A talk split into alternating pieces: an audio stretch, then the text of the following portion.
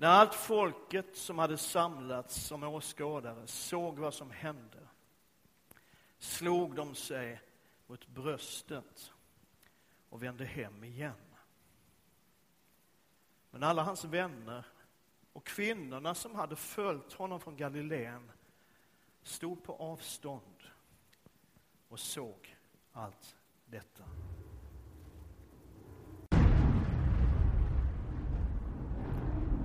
It's Friday. Jesus is praying. Peter's asleep. Judas is betraying. But Sunday's coming. It's Friday. Pilate's struggling. The council is conspiring. The crowd is vilifying. They don't even know that Sunday's coming. It's Friday. The disciples are running like sheep without a shepherd. Mary's crying. Peter is denying. But they don't know that Sundays are coming. It's Friday. The Romans beat my Jesus. They robe him in scarlet. They crown him with thorns. But they don't know that Sunday's coming. It's Friday. See Jesus walking to Calvary. His blood dripping. His body stumbling. And his spirit's burdened. But you see, it's only Friday. Sunday's coming. It's Friday. The world's winning. People are sinning. And evil's grinning. It's Friday. The soldiers nailed my Savior's hands to the cross. They nailed my Savior's feet to the cross. And then they raised him up next to criminals. It's Friday. But let me tell you something. Sunday's coming. It's Friday. The disciples are questioning what has happened to their king. And the Pharisees are celebrating that their scheming has been achieved.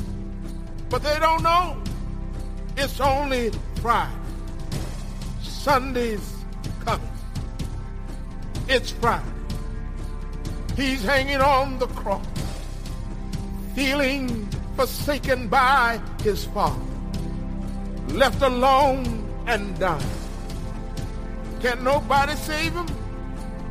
Oh, it's Friday, but Sunday's coming. It's Friday. The earth trembles. The sky grows dark. My king yields his spirit. It's Friday. Hope is lost. Death has won.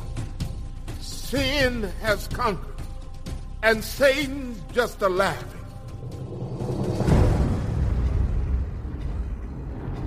It's Friday. Jesus is buried. A soldier stands guard, and a rock is rolled into place. But it's Friday. It is only Friday. Sunday is a coming.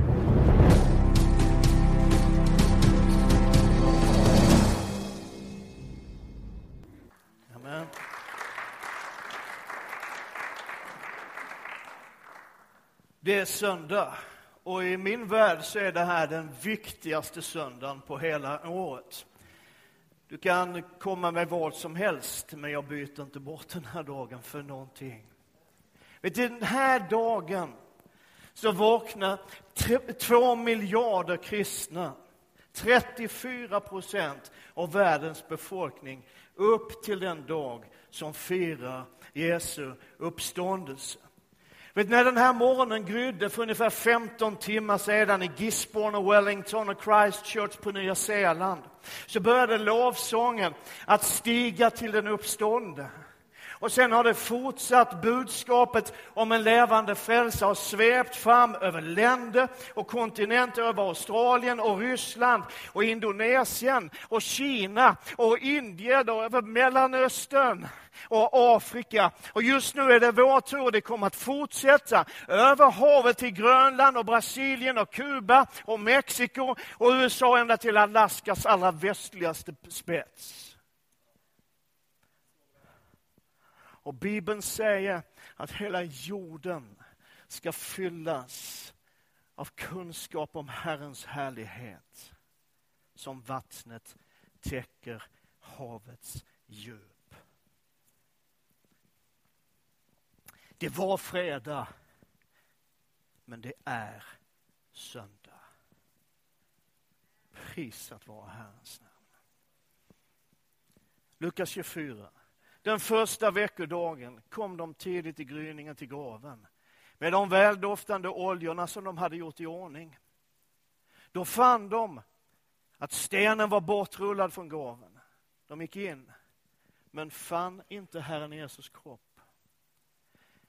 När de inte visste vad de skulle tro, då stod plötsligt två män i skinande kläder framför dem. Kvinnorna blev rädda och böjde ansiktet mot marken, men männen sa, varför söker ni den levande bland de döda? Han är inte här. Han har uppstått.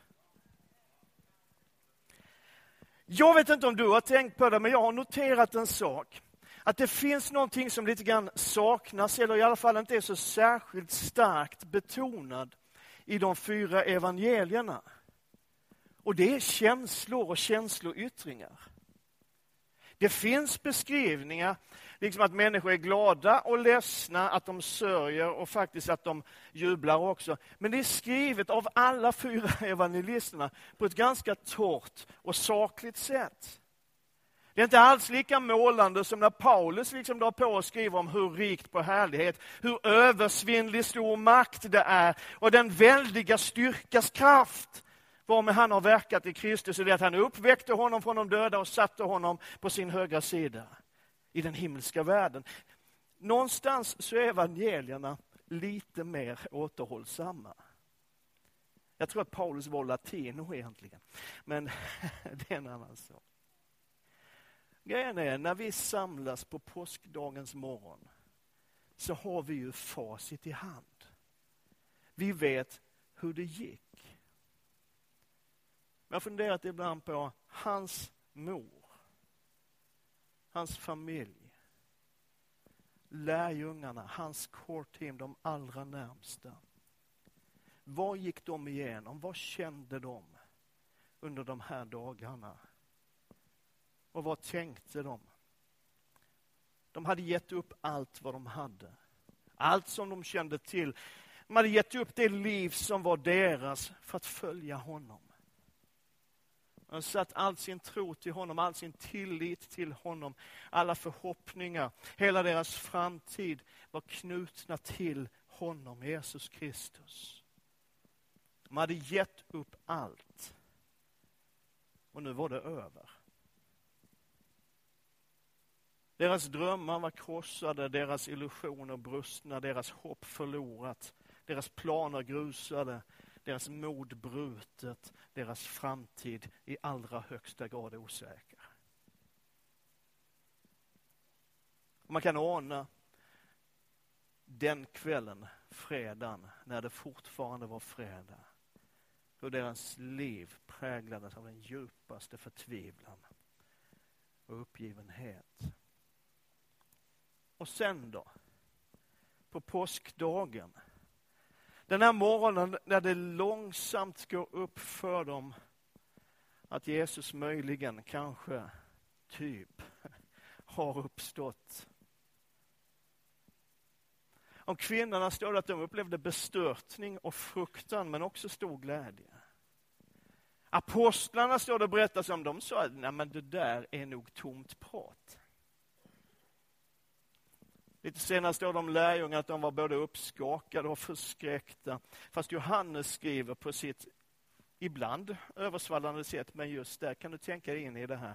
Jag, jag tycker det är så häftigt. När det står om, i Johannes evangeliet, när lärjungarna hade låst in sig för de var rädda för judarna. De tänkte att det som har hänt Jesus kommer att hända oss också. Så de låste in sig. De sitter där i fruktan och så står Jesus plötsligt mitt ibland dem. Så konstaterar Johannes med vad som måste vara århundradets eller årtusendenas underdrift. Alltså, lärjungarna blev glada när de såg Herren.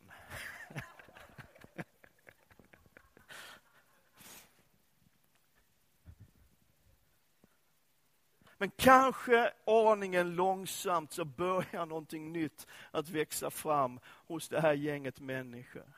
Och när vi läser bibeltexterna så upptäcker man, ja men det verkar inte vara den där våldsamma glädjeexplosionen. Trots att de mötte honom vid olika tillfällen, några av dem flera gånger, så fanns tvivlet ändå där. Vad händer nu? Hur ska det bli? Och Lukas berättar om hur de vände tillbaka lärjungarna till Galileen. För Jesus hade hälsat att han skulle gå före dem dit. Men vet du att när de kommer dit så är han inte där. De hittar honom inte. De ser honom inte. Och någonstans så kan i alla fall jag ana smärtan i Petrus hjärta, i hans uttryck, när han säger grabbar, jag går och fiskar. Och de andra säger, vi har nog inget annat för oss. Vi hänger med. Och de får ingen fisk. Inte förrän Jesus dyker upp och visar dem var fisken är. Och de fattar inte att det är han. Men vet du, när de kommer i land så har Jesus lagat mat åt dem. Han samlar inte de allra närmsta, de han sätter framtidshoppet. Hela frälsningsplanen tänker han överlämna till dem, men han samlar dem inte för att undervisa dem. Han ger dem inte sju steg för framgång. Och han presenterar inga nya framtidsplaner, inte där och inte då. Utan han frågar dem bara, har ni fått något att äta?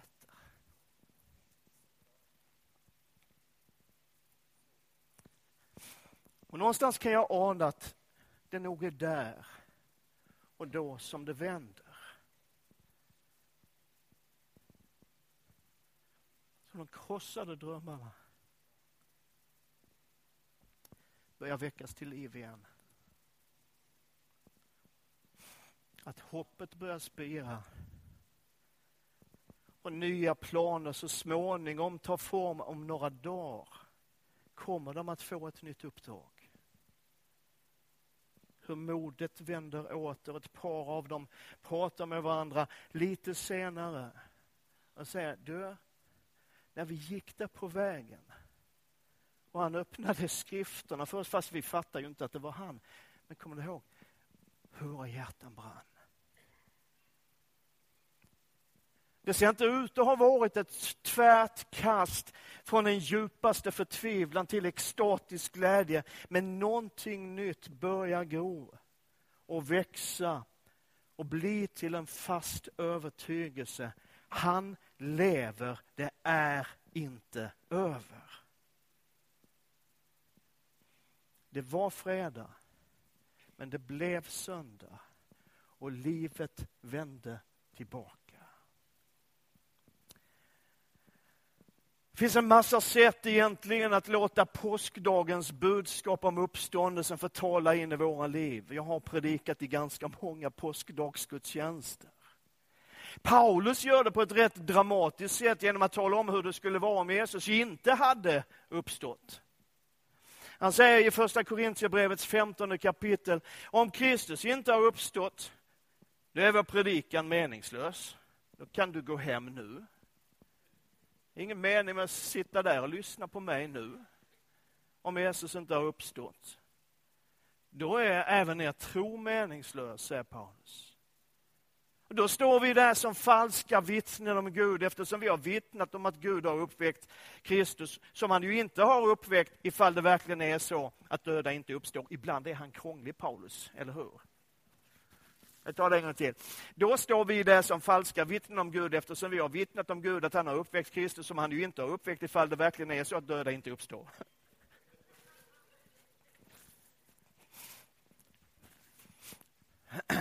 Men det är en korrekt meningsbyggnad.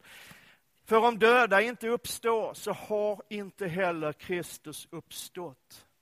Men om Kristus inte har uppstått så är, tro meningslöst. Ni är fortfarande kvar i era synder. Och i så fall är de som har insomnat i Kristus förlorade. Om det bara är för detta livet, om det bara är här och nu som vi har vårt hopp i Kristus, så är vi de ömkligaste av alla människor.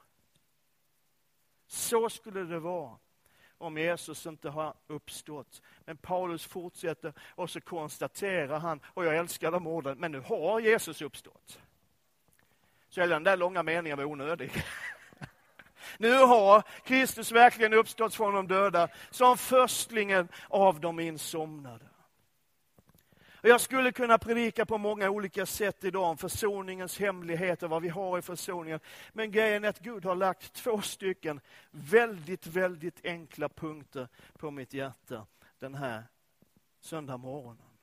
Och det första jag vill säga är att uppståndelsen visar att det som var dött, det som var krossat, det som var besegrat kan få liv och börja spira igen Det står så här i Kolosserbrevets andra kapitel. Och vi har blivit begravda med honom i dopet. I dopet blev ni också uppväckta med honom genom tron på Guds kraft. Han som uppväckte honom från de döda. Ni var döda genom era överträdelser och ert er oomskurna natur. Men också er har han gjort levande med Kristus. Han har förlåtit oss alla överträdelser. Prisat våra Herrens namn. Vad säger den här texten? Den säger att du har blivit begravd med Kristus om du tror på honom. Och du har blivit uppstånden med honom och du lever med honom. Livet vänder tillbaka genom Jesus. Livet vänder tillbaka med Jesus. Livet vänder tillbaka i Jesus Kristus. Vår död, den död som var vår, blev hans död. Men det som är så häftigt är att hans uppståndelse blev vår uppståndelse. Vilket byte! Och lyssna till det här. När Gud själv lovar genom profeten Jesaja och säger att ett brutet strå ska han inte krossa. En tynande veke ska han inte släcka. Jag tror på en Gud som kan blåsa liv i vad som helst. Det andra jag vill säga, som vi sjunger i Kristina Löwenstams psalm, vi som nu sjunger psalmer ibland. Eh, jag, jag tror på en Gud som gör trasigt till helt. Wow. Vet du, varenda människa bär sig, med sig dem genom livet. De här olika grejerna, drömmarna som har grusats. Varenda människa har dem. Visionerna som har slocknat. Hopp som har krossats. Relationer som har gått sönder, kanske till och med dött. Någonstans är det så att Björn Afzelius fångar den där känslan ganska exakt när han sjunger att allting kan gå i tur, men ett hjärta kan gå i tusen bitar. Det är så många samtal som jag har haft genom åren. Suttit ner med kristna vänner. En del äldre, en del yngre. Människor som har berättat om sitt liv.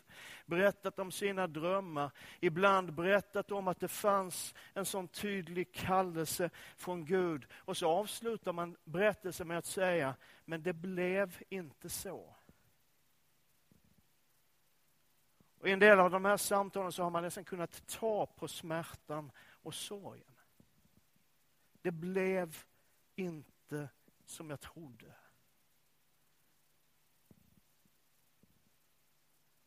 Vet du, är det så skönt och så befriande att evangeliet inte är ett klämkäckt självhjälpsprogram. Att evangeliet faktiskt inte säger kom igen nu. Att evangeliet inte säger du kan fixa det här. Att evangeliet faktiskt inte är ett budskap av att it's not time for a step back when you've had a setback, it's time for a comeback, även om det låter bra. Det går inte att översätta. Det är inte evangeliet. För glada tillrop läker ingenting som är trasigt.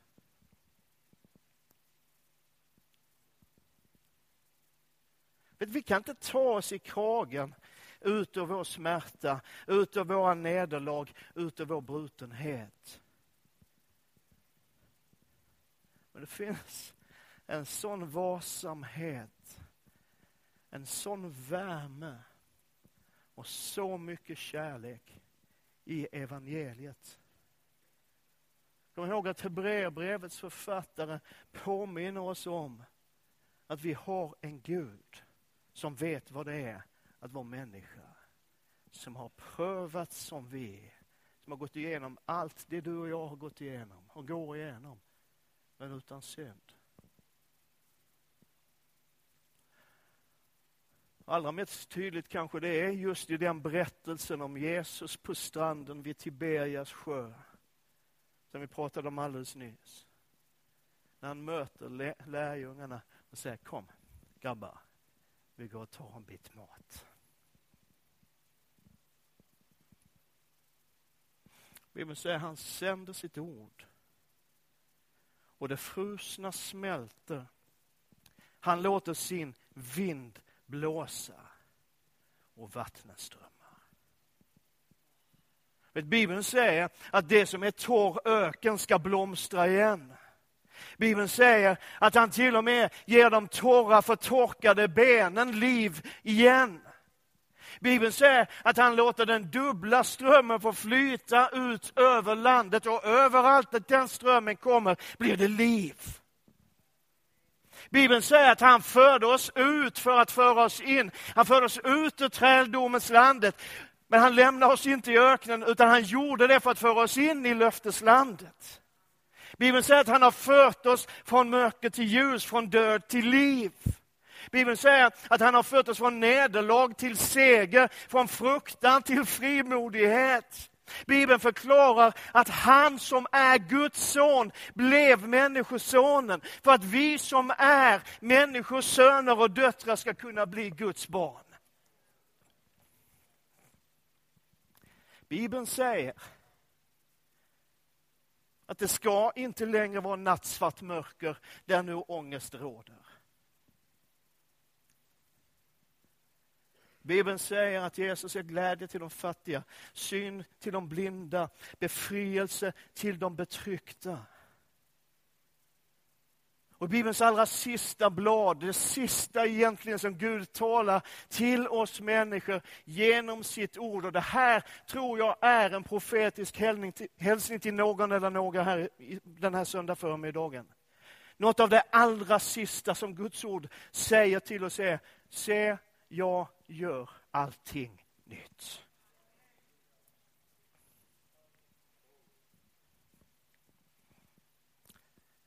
Din död blev hans död. Hans uppståndelse blev din uppståndelse. Hans liv blev ditt liv. Det var fredag. Hoppet var ute. Kylan och mörkret såg ut att segra. Allt var förlorat. Det var fredag, men det är söndag och Jesus Kristus lever. Amen.